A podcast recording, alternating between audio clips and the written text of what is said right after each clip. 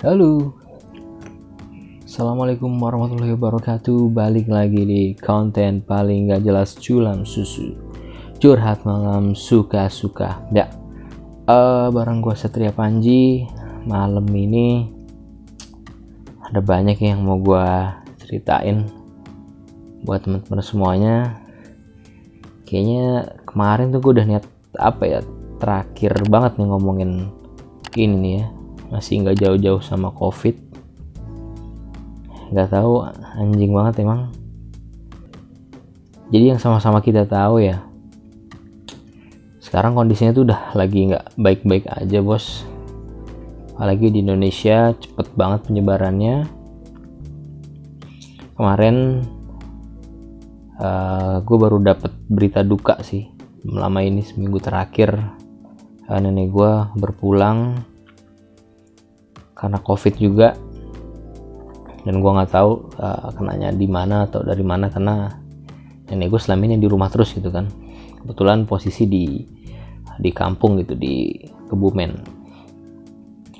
Nah sebelumnya juga tahun ini dapat juga gue berita duka pak adik gue uh, meninggal juga karena covid. Jadi cukup banyak sebenarnya ya uh, pengalaman gue dan keluarga ini seputar covid cuman gue nggak tahu kenapa. Kayaknya kayak gak ada perbaikan aja gitu ya. Pemerintah tuh kayaknya apa ya? Ya gue di sini sih nggak mencoba apa berpihak gitu. Oke mungkin dari pemerintah ada salahnya.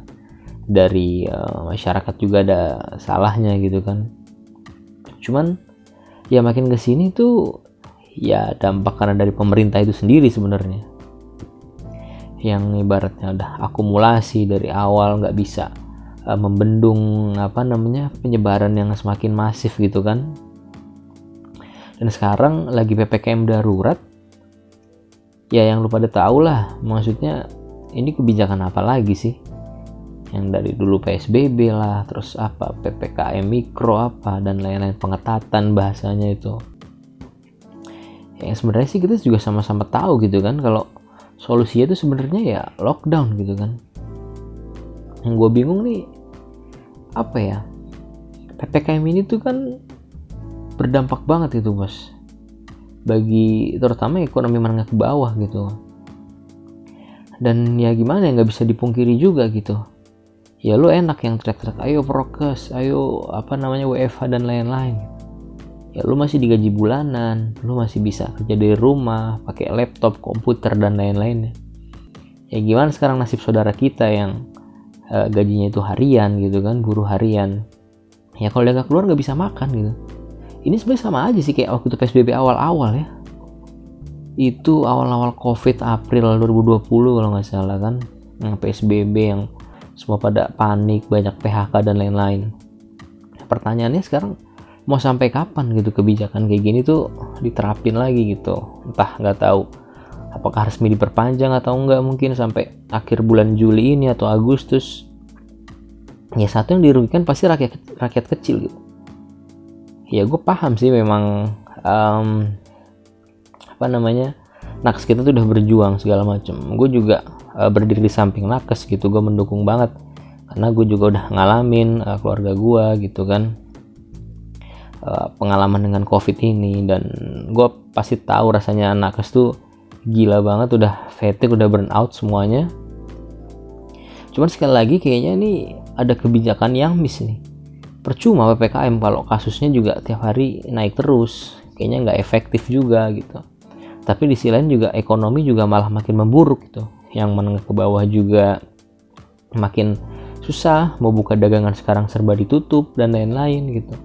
Ya padahal dia juga apa dagang itu kan buat makan juga makan nantinya juga biar dia imunnya kuat biar bisa ngidupin anak istrinya gitu. Sekarang kalau ppkm dikit-dikit ditutup di apa namanya di razia dan lain-lain dibubarin ya mereka mau makan pakai apa bos? Gitu nanti mereka yang ada juga mati kelaparan kan imunnya juga turun ujung-ujungnya gampang kena covid juga jadi nggak menyelesaikan masalah gitu. Soal sekarang pertanyaan gini pemerintah tuh apa ya? Ya gue nggak tahu ya. Kemarin kan gue juga bikin beberapa konten sama teman gue juga mungkin yang nakes yang ada backgroundnya dari kesehatan. Di undang-undang kita tuh nggak ada yang namanya ppkm psbb apalah itulah namanya. Namanya yang ah, nggak uh, jelas itu. Maksudnya yang ada tuh ya karantina wilayah bos. Atau bahasa Inggrisnya lockdown.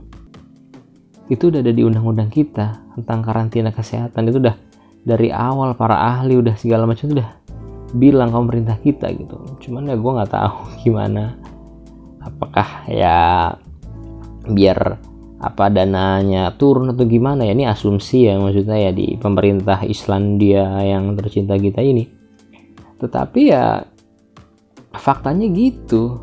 Ibaratnya pengecut banget gitu jadinya eh, negara Islandia ini gitu kan dia mau berlakukan PPKM untuk menekan tapi nggak mau biayai masyarakatnya gitu. Jadi ya kayak apa gitu maunya sih? Ya kalau ketika lu menerapkan lockdown ya lu harus menjamin gitu apa namanya warga lu gitu semuanya tercukupi gitu. Terus dengan alih-alih lu mem, apa menghindari uh, aturan dari uh, undang-undang uh, yang bahkan ada uh, berlaku itu sendiri gitu lu mengubah namanya kayak PPKM lah PPSBB dan lain-lain terus seolah-olah lu menghilangkan kewajiban untuk uh, membiayai uh, orang-orang di bawah ini gitu. Ya ibaratnya kan apa kalau bukan pengecut gitu jadi kayak mainannya sendiri gitu. Mau alasan apa? Anggaran kita nggak cukup. Anggaran kita udah buat bansos dan lain-lain ABCD ya salah sendiri. Kenapa nggak dengerin ahli di awal gitu? Salah sendiri kenapa pejabatnya juga pada korup semua gitu kan ya itu yang memperlambat juga gitu. Tapi kan ya rakyat juga nggak mau tahu gitu kan. Harusnya lu bisa membuat uh, aturan yang maksudnya efektif gitu yang uh, ke semuanya itu bisa masuk gitu kan. Kalau dari awal lu lockdown itu udah banyak sebenarnya ahli yang bilang kayak di negara-negara lain di Eropa gitu. lockdown cuma dua bulan itu biayanya kayaknya nggak sampai seribu triliun deh. Sekarang lu lihat aja udah hampir mau dua tahun udah seribu lebih mungkin anggaran yang udah dikeluarin buat nanganin covid ini doang gitu jadi makin gak terkendali gitu. Ya dengan dalih katanya uh, kalau lockdown nggak sanggup lah dan lain-lain padahal itu sudah ada estimasinya sebenarnya. Ya mungkin gue nggak mau so tau juga ya dan gue juga bukan ahlinya di sana tapi banyak ahli yang bilang kayak gitu. Sebenarnya kalau kita lockdown tuh kita cuman sakit-sakitnya aja di awal gitu. Tapi pemerintah tetap menanggung uh, beban daripada masyarakat. Jangan mau enaknya doang suruh di rumah aja nggak dikasih tanggungan kan dikasih bantuan. Ye itu namanya mereka sendiri kan. Jadi kayaknya gue juga bingung. Semoga nih uh, konten terakhir gue ngomongin uh, covid ini udah bosen bos. Kayak nggak ada berita lain aja. Tapi mau gimana ya? Udah banyak itu korbannya. Saudara-saudara kita semua. Ya kalau gue sih jujur lebih berpihak, berpihak kepada kemanusiaan ya. Maksudnya ya lo boleh lah bikin kebijakan apa untuk menekan laju covid ini. Gue juga mendukung gitu kan tapi ya lu harus perhatikan kemanusiaan juga gitu. Jangan asal digerebek apa segala macem. Lu kasih apa kek santunan atau lu borong dagangannya segala macem biar dia juga nggak bingung. Dibuka juga apa namanya belum tentu banyak yang beli sebenarnya. Lagi kondisi kayak gini ditambah lagi dibatasin jamnya ditutup gitu. Ayolah kita sama-sama dari solusi bareng-bareng ya. Yang terbaik itu seperti apa dan tolong dengerin para ahli lah jangan denial lah. Jangan sok-sok bilang apa namanya ini aman dan segala macam. Tapi relay ya enggak gitu kan. Udah jauh dari kita standar WHO udah jauh dari standar yang ditetapkan oleh uh, keilmuan gitu dari bidang kesehatan. Ya memang kita nggak baik-baik aja bos. Jadi yang pertama jangan denial. Kita harus terima itu. Terus kita harus cari solusinya bareng-bareng. Dan ya semoga ya kita berdoa lagi bareng-bareng biar covid ini cepet uh, terkendali cepet hilang. Dan gue juga capek bos. Kantor tuh waduh.